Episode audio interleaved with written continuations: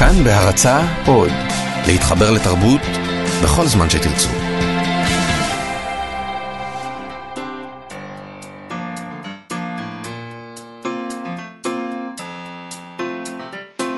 מה שכרוך עם יובל אביבי ומה יעשה לה.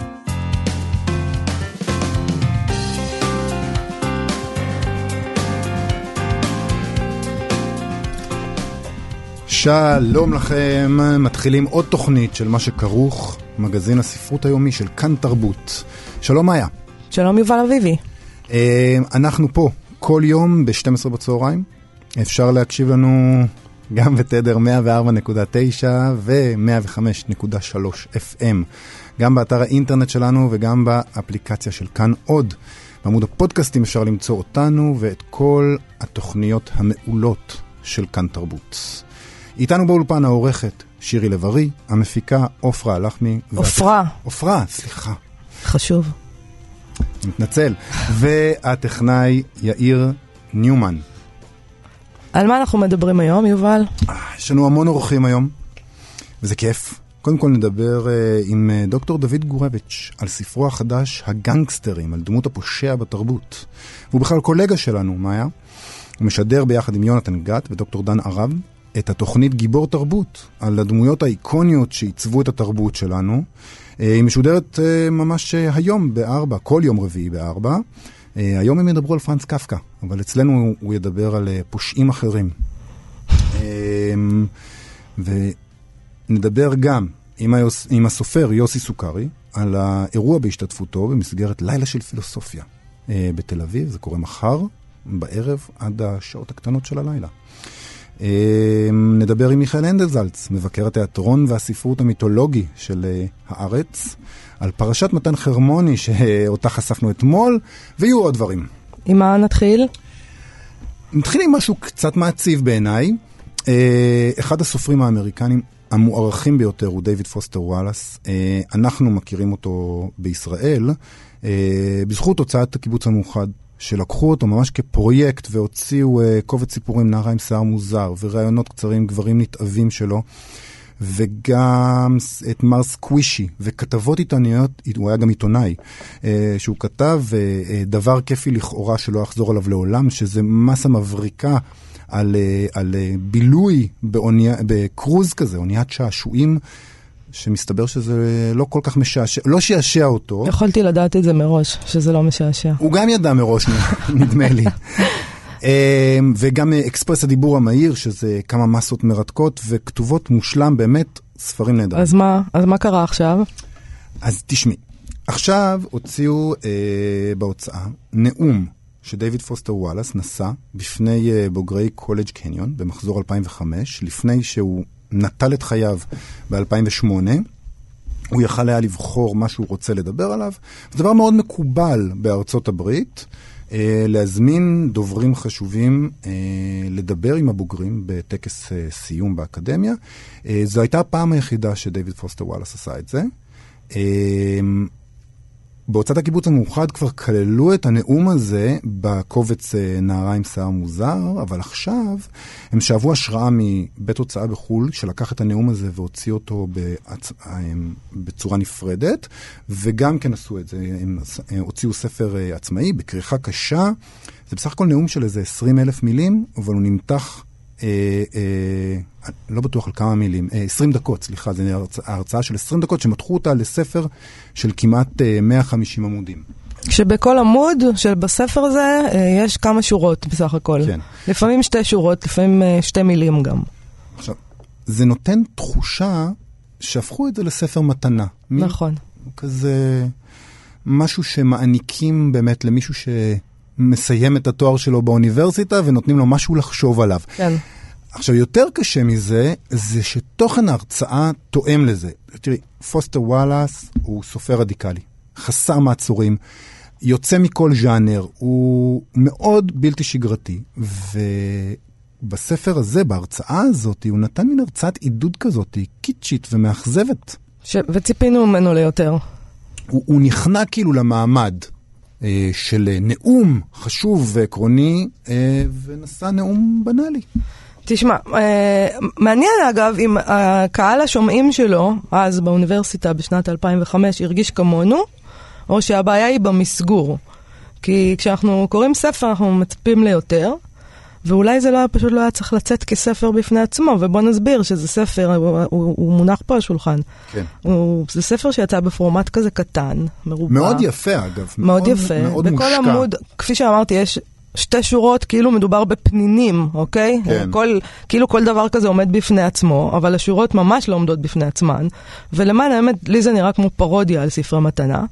אה, אני פתחתי את הספר בצורה אקראית, ואני אקריא למשל מעמוד 70, שבו כתוב, העובדה הפשוטה היא שבתור מסיימי קולג' אין לכם עדיין שום מושג מהי המשמעות האמיתית של יום אחרי יום.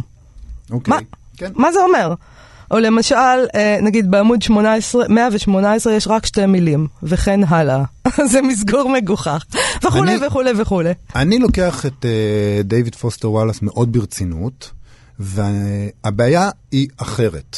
אוקיי. אה, הטקסט הזה הוא, הוא טקסט שעומד בפני עצמו בעיניי, והוא מלמד הרבה על אה, דיוויד פוסטר וואלאס ככותב, ונראה שהוא באימה מהמעמד, מהז'אנר שהוא נקלע אליו. הוא אפילו כותב את זה בעצמו, הוא מציין הדרישה העיקרית בנאומים ממין אלה, אה, או שהוא מזכיר, זה ז'אנר נאומי טקסי חלוקת התארים. לכאורה הוא עושה את זה כדי להציע משהו אחר מהמקובל, אבל מורגש שהתפקיד שניתן לו יושב לו על הכתפיים, מכביד עליו, ובמקום להיות אנטי מיינסטרים, שזה מה שאנחנו רגילים אליו בספרות שלו, הוא מוציא מתחת הידיים שלו אה, קלישאות. וזו אכזבה גדולה דווקא כי הוא סופר כל כך ענק וכל כך לא במיינסטרים. אבל גם את המסר אתה מסתבר לא נכון, אהבת. גם את המסר אני לא אוהב. המסר שלו בהרצאה נשמע טוב בהתחלה, כן? אה, הוא מדבר על הבנה של העולם והדרך להגיע להבנה כזאת, שהיא דווקא לא דרך לימוד באקדמיה. ושוב, בהתחלה אנחנו חושבים שזה מסר נורא מפתיע, לאור הבמה לכאורה שבה זה נאמר, אבל האמת היא שתמיד אומרים את זה. תמיד אומרים לאנשים, תדעו לכם שללמוד באקדמיה זה לא מכין אתכם לחיים וכולי. אמ, וזה מתכנס בספר למסר מאוד אמריקאי, מאוד אינדיבידואליסטי, כשהוא טוען שהדרך כן להבין את העולם זה באמצעות חמלה לאנשים שמסביבך וראיית העולם דרך עיניהם.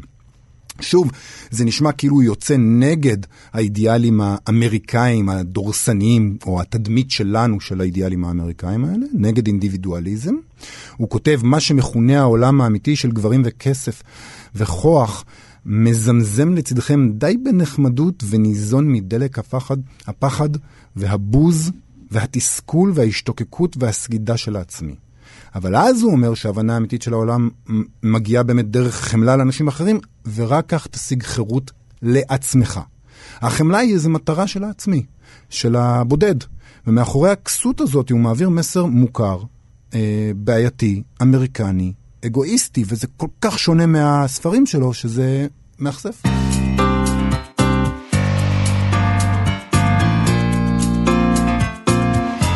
אה, יובל, אתמול אה, פרסמנו את, הפרס, את הסיפור של, על הספר של מתן חרמוני, כן.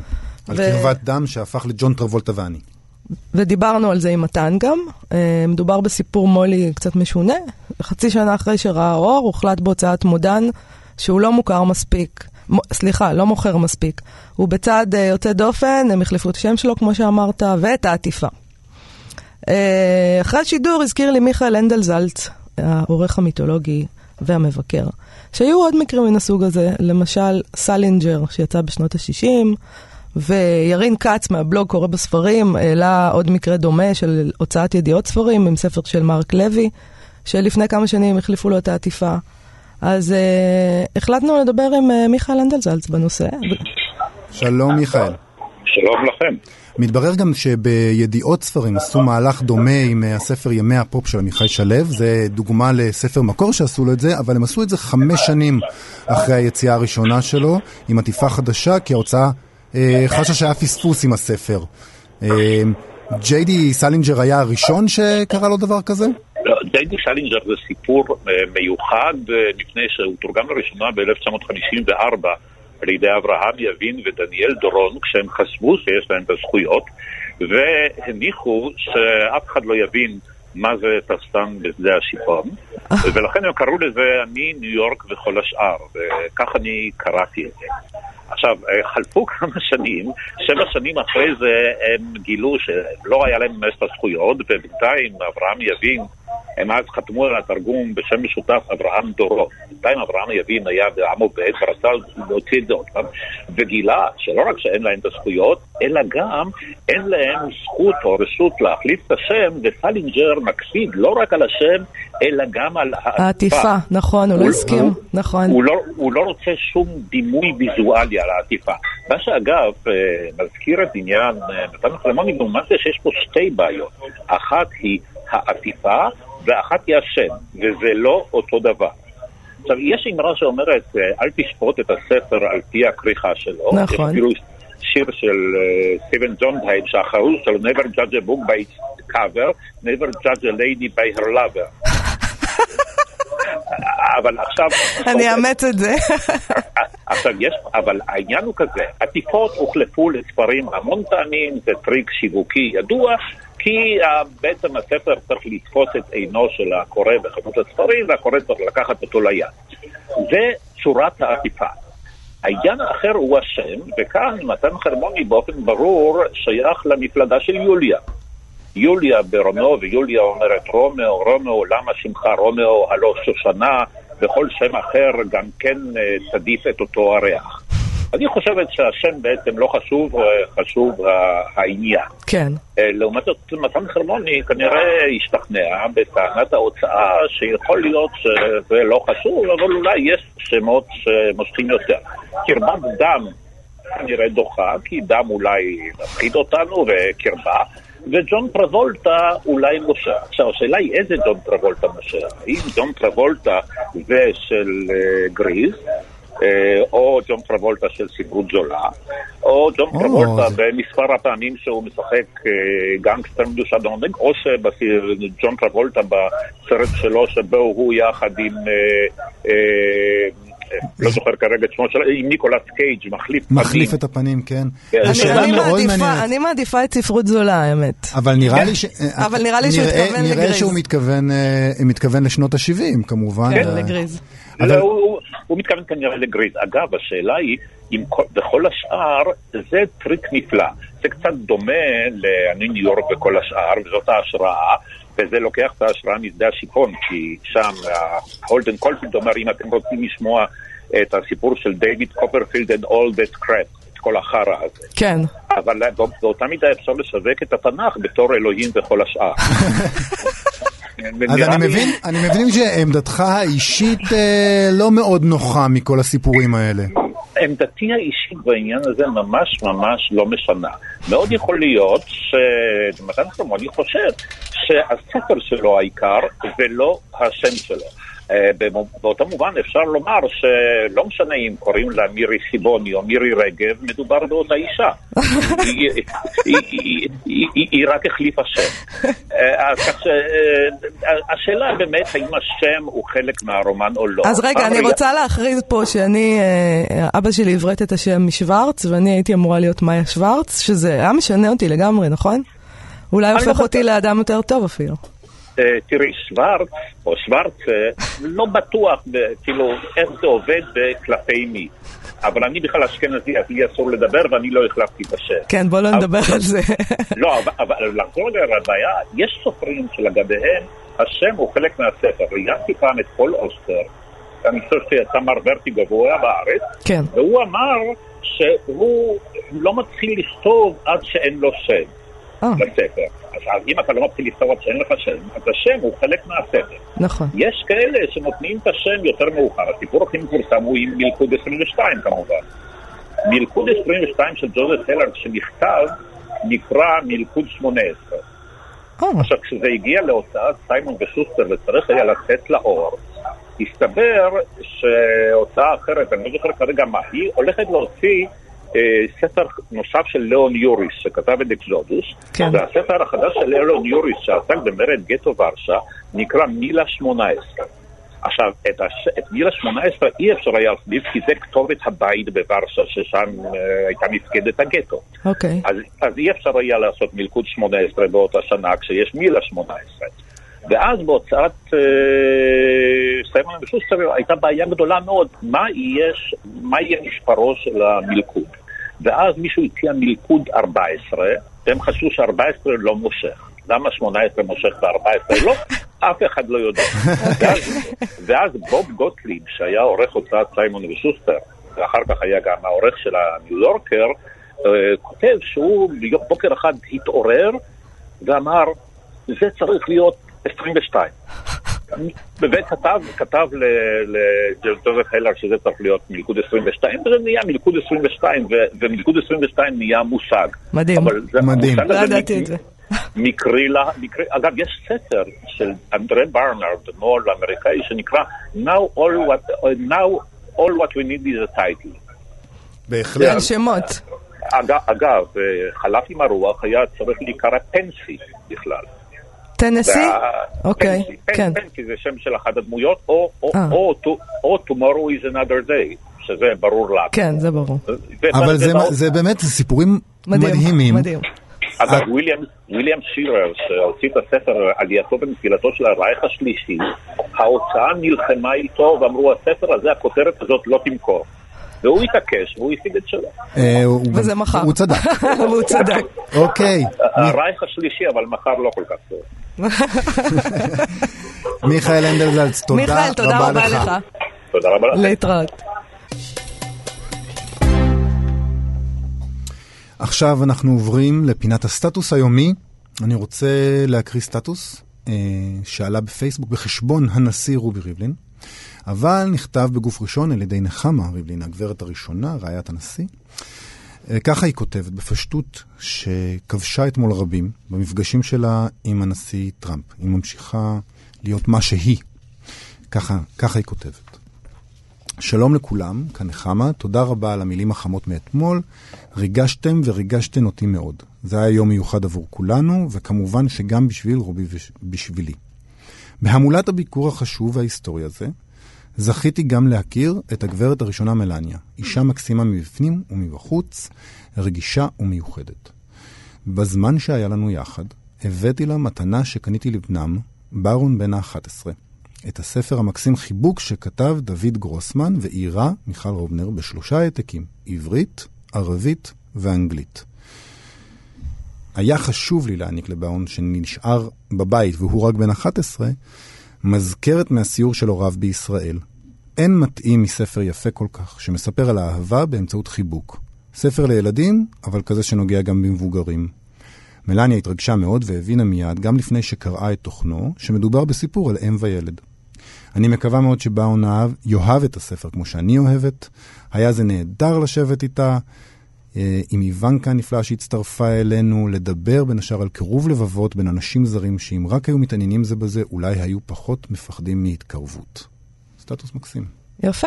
ומעבר לזה שנחמה ריבלין אה, לא מנסה להיות מה שהיא לא, שזה דבר נדיר בימינו, אה, די מוצא חן בעיניי שהיא נותנת למלניה טראמפ מתנה, ספר פשוט שיצא בשנים האחרונות, סתם ספר. היא לא מתאמצת לתת ספר עתיק שנכתב על ידי סופר סתם בשנת 132, ונמצא בחפירות ארכיאולוגיות במערות בר כוכבא, ושווה מיליונים, שאגב, תמיד מפליא אותי שנותנים דברים כאלה למנהיגי עולם כמתנה. זה, זה אוצרות שלנו, אה, שצריכים להיות במוזיאון ישראל בעיניי, אבל בסדר. אה, נחזור לנחמה. אה, היא לא נתנה גימיק, אלא פשוט ספר, בלי התחכמויות. ובתוך כל המבוכות שהיו בימים האחרונים, זה היה דבר מאוד יפה בעיניי. אה, הדבר השני זה כמובן העובדה שהיא נתנה ספר בשלוש שפות.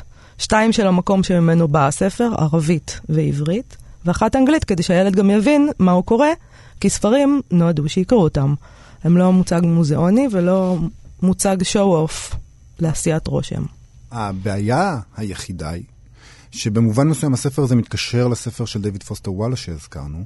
חיבוק, הספר מדבר על הניגוד הזה בין להיות ייחודי ומיוחד לבין להיות בעצם לבד, כשאתה מיוחד מדי.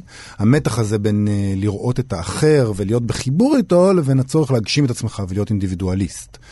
Uh, גרוסמן הצליח להעביר מסר uh, יותר מתוחכם uh, מפוסטר וואלאס. הספר שלו לא מאוד תואם לתדמית האמריקאית. אה, בטח לא למה שטראמפ עצמו משדר. יש מצב אה, שאנשים שרואים בכוח ובאושר את המטרות הגדולות של החיים ירצו למנוע מהילדים שלהם דווקא לקרוא ספר שבו יש מוכנות לוותר על הייחוד כדי אה, לפתוח את הלב, כדי להתקרב. אז בואו נעבור לערב של פילוסופיה.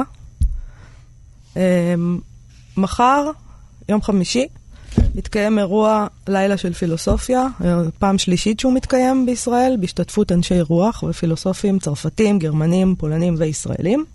אירוע שעוצר רפאל זגורי אורלי. אה, האירוע הזה יתחיל בשעה שבע וחצי בערב ויימשך עד השעות הקטנות של הלילה, בכל מיני אזורים בתל אביב. צריך, ל, ל, אנשים צריכים למצוא תוכניה ולראות מה מעניין אותם שם. במהלך הלילה תינתן לקהל הזדמנות לשמוע ולהשתתף בשיחות, הרצאות, הקראות, דיונים והקרנות סרטים, וכל הדבר הזה, הכניסה חופשית, וזה אירוע די נפלא.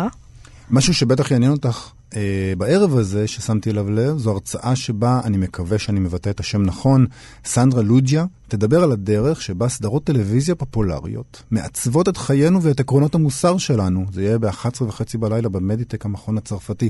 זה נושא שקרוב אליבך. נכון. מוסר וסדרות טלוויזיה. אה, הסופרת אלונה קמחי תדבר שם על שפה. זה על הדרך שבה שפה מארגנת את החיים שלנו.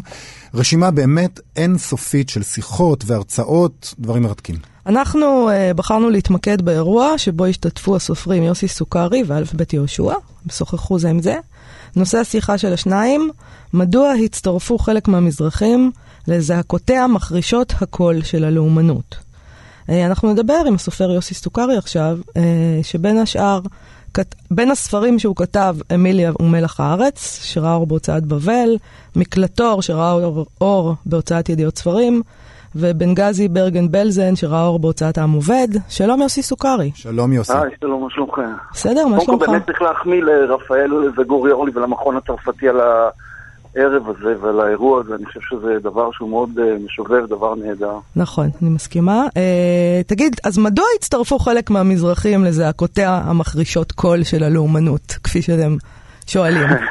זה הניסוח של הכותרת, שלא נכון. בהכרח אני אחראי לו, את יודעת. אני לא האם הם אחראי הצטרפו? אז. בוא נשאל, האם לא הם אחראי. הצטרפו? תראי, חלק, המזרחים קודם כל זה לא גוש מונוליטי, הם לא עשויים מקשה אחת, יש בהם הרבה גוונים והרבה מאוד וריאנטים, ולדבר על המזרחים כגוף אחיד, ולחזור לאמת. נכון, זה פוגע אפילו. ברור, נו, כן. ברור, הם לא... עכשיו, אה, מדוע חלק מהמזרחים הם אה, שייכים, אה, נניח, למפלגות מפלגות בעלות אוריינטציה ימנית? אה, יש לזה כמה וכמה סיבות לדעתי. מה? הסיבה המרכזית, אני חושב שהשמאל הישראלי יש לו קדם הנחה, או קודם כל זה קשור בין המתח בין שיח זכויות האדם לבין אה, שיח הזהויות. כן, אה, שיש כאן, וחלק ממפלגות הש- השמאל חרטו על דגלם את ציר זכויות האדם, שלא בהכרח תמיד הוא מדבר ב- לאנשים ש... ש... לאנשים שבאו ממוצא, נגיד יהודי צפון אפריקאי, שהרכיב הרליגיוזי הוא מאוד מאוד משמעותי במוגדרות העצמית שלהם, וה... את יודעת, בניגוד למשל ליהודים האשכנזים, ששם יש כל הספקטרום בהקשר הדתי, דהיינו, יש, יש אשכנזים חרדים, יש אתאיסטים, יש אגנוסטים, יש uh, מסורתיים, אצל יהודי צפון אפריקה, אני לא מדבר כרגע על יהודי עיראק, אבל, או ארצות אגן הים התיכון, אבל אצל יהודי צפון אפריקה אין דבר כזה ש- שמשפחה שאין לה סנטימנט דתי כלשהו, הם כולם קשורים למסורת. כן. וזה, וזה רכיב מאוד מאוד מרכזי במוגדרות העצמית שלהם. אני חושב שהמפלגות ה- ה- שנוטות לימין, אה, או שהם הבינו את זה מבחינה טקטית, לא יודע, או שהן הן, אה, במהות שלהן כאלה יותר. והמפלגות שמדברות על זכויות אדם אוניברסליות, שנטועות אה, בעצם ברציונל האירופי של, אה, נגיד המודרני, נוסח דקארט קאנט, הן מפלגות שפחות שמות דגש על הרכיב הזה ועל הרכיב הקהיל, הקהילתי הזה. ולכן חלק, חלק מהעניין זה שהמזרחים לא מרגישים קרבה אל הדבר. כן. לא יכולים להיות תגיד, נדבך יוסי, אינטגרטיבי שלו. יוסי, זה מעניין שבחרו שני סופרים בעצם שישבו וידברו על, על הנושא הזה. אה, למה בעצם זה התפקיד של הסופרים לדון בנטייה הפוליטית אה, של... אה, אני לא יודע, אני לא- אני- אין לי מושג, אני לא יודע למה. אני חושב, אה, אם אתה תסתכל, אם אתה תבדוק את המשתתפים שיש שם, אז יש שם, אני חושב, גם פילוסופים, גם סופרים, אה, אה, אנשי רוח, אז... אה, לא, אבל האם אתה, לא רואה, יודע. האם אתה רואה תפקיד של סופרים ואנשי רוח ב, ב, בדיאלוג הזה של המזרחיות, ובכלל בפוליט, ב, בדיאלוג פוליטי? האם אתה רואה, אתה חושב שהם צריכים לומר את דברם? אין צל של ספק בכלל, תשמעי, זה ברור לחלוטין, צריכים לומר את דברם, גם אם משלמים מחיר על כך. אני לא חושב שהעמדה שלהם יש לה איזה, עודפ- איזה עדיפות על עמדה שהיא עמדה של אנשים נניח מן היישוב, כן. אבל אין צל של ספק שהם חייבים להגיד את זה ולומר את זה, ולדאבוני הרב, הרבה מאוד אנשים באטמוספירה הלאומית סלש לאומנית שלפחות מתחילה להתחולל כאן, אם לא, אם לא למעלה מזה, אז פוחדים לומר את דעתם, ואני חושב שהם, אה, שזה דבר מאוד מאוד בעייתי. כן, יש- כי הרבה יש- מאוד אנשים נושאים אליהם עיניים. האם יש איזו מין טענה כזאת שאני שומעת במהלך השנים כלפי א' ב' יהושע, כן. שהוא התרחק מהמזרחיות שלו, שהוא הוא היה תמיד סופר ישראלי, אתה יודע, הוא לא התעסק כן. בדבר הזה. תשמעי, זה, אה, זה בטח יהיה חלק מהשיחה מחר, כאילו, אה, שאני והוא ננהל. אני לא יודע מה זאת אומרת התרחק. יש לו תפיסה מסוימת, היא שונה מהתפיסה שלי. אה, יש לו תפיסה אחרת של הישראליות. אה, יכול להיות שהוא לא עמד בציפיות של אנשים מסוימים ש... ש... שחושבים שאם הוא הגיע לפוזיציה כל כך גבוהה, והייתי צריך לציין את השם שלו לפני השם שלי, כי אין ספק בהיררכיה כאן, אז, אז אם, אם, אה, אם הוא הגיע לפוזיציה כל כך גבוהה והמאמץ שלו כל כך חשוב בשדה הספרות והתרבות הישראלית, אז יכול להיות שיש אנשים שחשבו שהוא היה אמור לנצל את הפוזיציה הזאת על מנת לדבר ב- בשבחם או, או לעלות, על, לעלות לתוך הספירה הציבורית הסוגיה המזרחית. אה, בצורה מאוד אה, יותר בולטת, אני- יותר מובהקת, ועמדות שהן תואמות את העמדות שלהם, אבל יש לו את העמדות שלו. אני תוהה אבל. יוסי, אם, אה, אם הוא היה מעלה את הסוגיה המזרחית על ראש שמחתו, האם הוא היה מגיע למעמד שהוא הגיע אליו? זאת השאלה ש... יכול מאוד להיות שלא. כן. קודם כל הוא סופר- מדהים. נכון, קודם כל הוא סופר נכון. מעולה, זה ברור, זה goes without saying. אה, הוא סופר גדול. אה, אה, השאלה אם הוא היה מגיע לזה, אין צל של ספק שאחת הבעיות של החברה הישראלית, כפי שאנחנו רואים אותה היום, היא מה קרה עם, עם העניין הזה של האליטה המזרחית האינטלקטואלית, שזה, שזה נגזרת של מה שאת אומרת. כי באמת מה שקרה כאן זה שהאליטה האינטלקטואלית המזרחית בעצם לא השתלבה בעצם ב... ב, ב בוא נאמר ככה, נניח בחיים האקדמיים בצורה ראויה, כן. בחיים התרבותיים בצורה ראויה. ואז מה שקרה, הם נאלצו למצוא מקומות, הרבה מאוד פרופסורים מזרחים נאלצו לנדוד החוצה וללמד בכל מיני אוניברסיטאות שוליות כמו פרינסטון והרווארד כן. ו-NYU, וכי הם לא מצאו את המקום שלהם כאן מתוקף אה, סוג מסוים של exclusion, סוג מסוים של דברים אחרים, ואז אין ואקום. ברגע שהקבוצה הזאת היא בעצם נחתכת מכאן בצורה אה, כזאת או אחרת, אז מי שתופס את מקומה כ role model לאותם צעירים מזרחים שגדלים, זה אנשים שאולי באו מהפוליטיקה. שבדרך כלל המחשבה שלהם הרבה יותר וולגרית, פחות מעודנת, פחות מורכבת, פחות מעניינת. בספרים, זה- זה בספרים בעיה, שלך. בספרים שלך, המזרחיות זה דבר מאוד נוכח, מאוד בולט. זה, זה משהו שחשוב לך? זה משהו שאתה עושה באופן מודע? זה משהו שנובע מהחיים שלך מן הסתם? אני אגיד לך כמה דברים. תראה, קודם כל, אני חושב למשל, האם היית שואל את אהרון אפלפלד אם הדמויות שלו הן אשכנזיות, אם זה נוכח או בולט? אני לא בטוח שהיית שואל אותו. האם שואל את עמוס עוז למה כל הדמויות שלו הן אשכנזיות? למה אין מזרחי אחד בסיפור אהבה וחושך? אז תראה, הדמויות שלי הן מזרחיות, כי זה המשפ... זו המשפחה שלי, זו הגנולוגיה האישית שלי, זה אילן היחסים שלי, אבל אין ספק שהספרים שלי הם אוניברסליים, אחרת הם לא היו נוגעים בהרבה מאוד אנשים שבכלל לא מכירים, למשל בצרפת או... או באמריקה שלא קשורים בכלל, לא יודעים בכלל מה זה מזרחיות ואשכנזיות, אבל אין ספק שבגלל העובדה שאני באתי לקבוצה, באתי מקבוצת מיעוט מבחינת הפוזיציה שלה בתוך המרחב הישראלי, אז אני, זה חשוב לי גם להגיד את הדברים האלה, זה ברור, ואני לא פוחד. עכשיו, שילמתי על זה מחירים דרך אגב. כן? אני לא חושב שהאשכנזים הם ישראלים ואנחנו מזרחים. או שכולנו ישראלים או שאנחנו מזרחים והם אשכנזים. כן.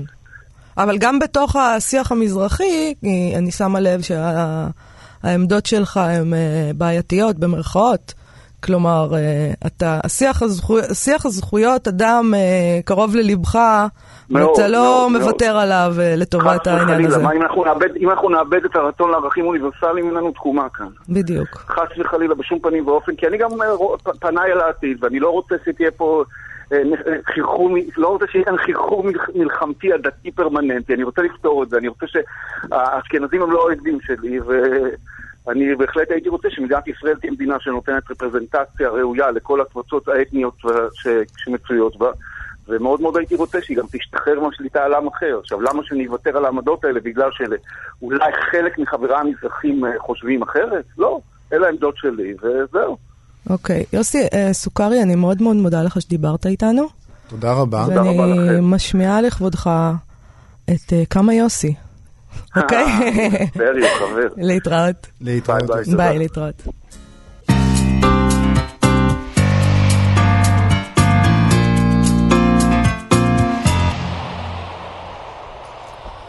אה, יובל, אנחנו אה, רוצים לדבר עכשיו על הספר החדש של דוקטור דוד גורביץ', שמפצח את דמות הפושע בתרבות הפופולרית. כל זה אנחנו עושים כי מחר יתקיים בבית ביאליק בתל אביב, ערב מיוחד לציון עשר שנים לסיום סדרת המופת הסופר... הסופרנוז. ולכבוד צאת ספריו של גורביץ', גנגסטר שיק והגנגסטר הפוסט-מודרני, שיצאו באוניברסיטה המשודרת אה, ומודן. אה, באירוע הזה ידברו על כל מיני נושאים מעניינים כמו רוע, משפט וקפיטליזם, המאפיונר היהודי בהוליווד, אה, סוד הקסם של טוני סופרנו, כמובן. אה, כמות היצירות שיש בהן פשע ודמויות של פושעים היא אדירה ממש, יש הרבה בשר, יש גם המון סוגים של פושעים. אה, אנחנו כנראה חושבים שפושעים זה סקסי ומושך. אבל מצד שני אנחנו גם רוצים אותם אה, רחוקים, אה, כי הם מפחידים. שלום דוד גורביץ'. שלום לך יובל, שלום מאיה. שלום. אה, מה, למה אנחנו כל כך נמשכים אל, ה, אל הרע הזה, בעצם? בסדרות שאנחנו רוצים לראות, בספרים שאנחנו רוצים לקרוא. עוד שאלה, זה- זאת שאלה, שאלת המפתח. קובריק אמר שאנחנו בעצם אה, מעריצים את הגנסטר אבל מתפללים למותו, סטנלי קובריק. כן. הוא נתן בהכרח פחות או יותר תשובה. אנחנו מעריצים את הגנגסטר מפני שהוא גדול מהחיים, מפני שהוא נותן את התפקיד של אלוהים, לקחת חיים, להוריד חיים, מפני שהוא כמו השטן מלא קסם ותיאטרלי, והוא עובר תהליך מאוד גדול כזה של אה, אה, אסתטיזציה, ואנחנו פוחדים וחרדה מה, מה, מהגנגסטר, משום שהגנגסטר הזה בעצם אה, הופך, יכול להפוך את חיינו לגיהנום, יכול להרוס את החברה, מאוד דמות סוציופטית. אז באיזושהי צורה, הפתרון הוא ללכת עם וי ולהרגיש בלי, כלומר להריץ את הגנגסטר שבתוך המסך, שהוא סך הכל מסוים של, אני יודע, של דקדוק מסוים, של, של, של, של אה, מוסכמות, ולחשוב שברגע שהוא יהיה עם סיגר והוא יהיה כזה ויגיד את המונולוגים הדרמטיים שלו, של ההשפלה ושל ההומור האפל הזה, אז כך נראה גנגסטר. ונראה פתאום אנשים בחוץ שהם גנגסטרים אמיתיים, שחיים פה בישראל, בתל אביב, בכל מקום, אנחנו לא נזהה אותם, כי אין להם את הסגנון הזה. נכון. אז נוח לנו, הייתי אומר ככה, לראות את הרוע בתוך הקולנוע, בתוך הטלוויזיה, בתוך הסרטים, ולחשוב ולדמיין ולהשלות את עצמנו שהרוע הזה מבוצע רק שם, קיים רק שם, כלוא שם, והוא לא חודר מבעד למסך, והוא לא נוזל לתוך המציאות של החיים, ולכן החיים הם כביכול בסדר. אבל אתה חושב שיש השפעה על, על הרע הזה שאנחנו צורכים שם בטלוויזיה, על החיים שלנו ממש? זהו בדיוק, שאני חושב שאין השפעה. אין השפעה. בדרך כלל אומרים ככה, זה מעודד אלימות, זה יותר זה, זה... כן. אין השפעה במובן אחד ויש השפעה במובן אחר. אין השפעה במובן, אנחנו לא מרגישים שאנחנו מזדהים ונה- ו- ו- ו- ו- ו- וצוחקים ונהנים מכל דמות אחת שמנסרים אותה וזורקים אותה לתוך אה, משאית אה, אשפה. אנחנו רגילים לסגנון הזה, אנחנו מרגישים שזה נמצא שם, ואין לזה השפעה כי זה לא בחיים, בחיים זה לא מתרחש. אני חייבת להגיד, שני, כן, מצד שני, כן רוצים את הדמות של הכל יכולה הזאת, שאין לה ערכים, שהיא בעבר, שבעצם יש לה שרירותיות של אלוהים או של שטן. אז זה אמביוולנטי. אני רוצה לשאול אותך על הכמיהה שאני חושבת שיכול להיות שיש לנו, ו... זאת אומרת, לכולם, אבל לגברים באופן מיוחד כמובן, אל הגבר הזה, הגנגסטר הזה. נכון, הגבר נכון. הזה שהם לא יכולים להיות, כי הוא הגבר הישן בעצם, אוקיי? נכון, הגבר השוביניסטי, הגבר הישן, הגבר ש... ש... שמחפיץ את האישה כמובן, שלא קיימת, שמחפיץ את המשפחה, שלא קיים. אה, את שואלת של מי המשיכה לדמות הזאת? הגברים בטח מעוניינים בה יותר, לא? אולי גם נשים באיזשהו אופן. עובדה שגם נשים. נכון. למה אנחנו כל כך רוצים? נשים. אז אנחנו בעצם כלאנו את עצמנו באיזה עולם כזה, שבו אנחנו לא יכולים להיות את כל הדברים האלה, כי זה לא נכון, וזה לא ליברלי, וזה לא זה, ו- ובעצם אנחנו עדיין, יש בתוכנו איזה חיה כזאת שרוצה להיות שם. בדיוק, זה הפנטזיה שלנו. אבל מצד- מצד שני- מופרעות. כן. מצד שני, אה, אה, יש את דמות אה, אחרת, אה, סותרת, של הפושע הקלאמזי, של כל הפושעים האלה שלא מצליחים לעשות את הפשע שלהם ונופלים ומתבלגנים והם אה, לא יהיו צלחים לחלוטין. נכון, אבל אתה מדבר על קומדיית פשע כזאת, אני יודע, היה סרט כזה, דוגמה, נשואה למאפיה, שזה מין קומדיה, קומדיית אה, מאפיה, מה שנקרא. יש גם כן. ז'אנר כזה, או היה פעם, אתה יודע, אה, עם אה, בילי קריסטל, אני חושב, ורוברט דה נירו, אה, משהו, הגנגסטר שהולך לטיפול, במובן ההומוריסטי. אבל זה אחר לגמרי ממה שגנגסטר הולך לטיפול, כמו טוני סופרנו. נכון. שזה, שזה שם זה מאיים עלינו הרבה יותר, משום שהפסיכונליזה היא פרקטיקה של הבורגנים, הפרקטיקה של הנורמלים, וגם המופרע, יש לו מחלות שלנו. כלומר, גם לרוצח, כמו קלוני סופרנו, יש בעיות נפשיות. זה מאוד מאיים עלינו, והוא מקבל אותם שירותים. כל הבורגנים הולכים לעשות פסיכונליזה, גם טוני. יש, אה, יש אבל הבדל, הבדל. מהותי בין איך שזה נעשה בתרבות אה, אמריקנית לעומת איך שזה נעשה בתרבות ישראלית, אה, לא? זה נכון. אני חושב שבישראל יש בכלל אנדואים של הרוע. כלומר, תחשוב על הבורר, נגיד, דוגמה, זה הז'אנר הכי קרוב לסופרנו, שהוא הושפע מהסופרנו, שהוא הושפע מ- מהסנדק וכולי. אבל לאיזה כיוון הלכו עם הרוע שם? פרודי, כמובן. כלומר, זה מוגזם, זה, זה, זה, זה, זה מצחיק, זה יורד על הסממנים הדתיים, זה מין כזו קומדיה דתית, קומדיה צה"לית, ביטחוניסטית, ישראלית, כזאת, מין בורקס של המאפיה, אתה מבין? אבל להתמודד ממש עם הרוע?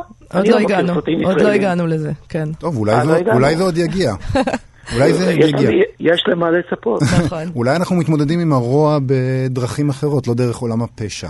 אה, אה, אני הי- הייתי שמח מאוד אם היינו מתמודדים עם הרוע בדרכים אחרות. לדעתי, אנחנו פשוט מוחקים את הרוע מקרבנו, חושבים שאנחנו טהורים. זאת בעיה גדולה מבחינה פוליטית, מוסרית, לא? אתה לא חושב? יכול להיות שאתה צודק. אה, תודה רבה לך. תודה, השארת. לנו הרבה על מה לחשוב, תודה דוד גורביץ'.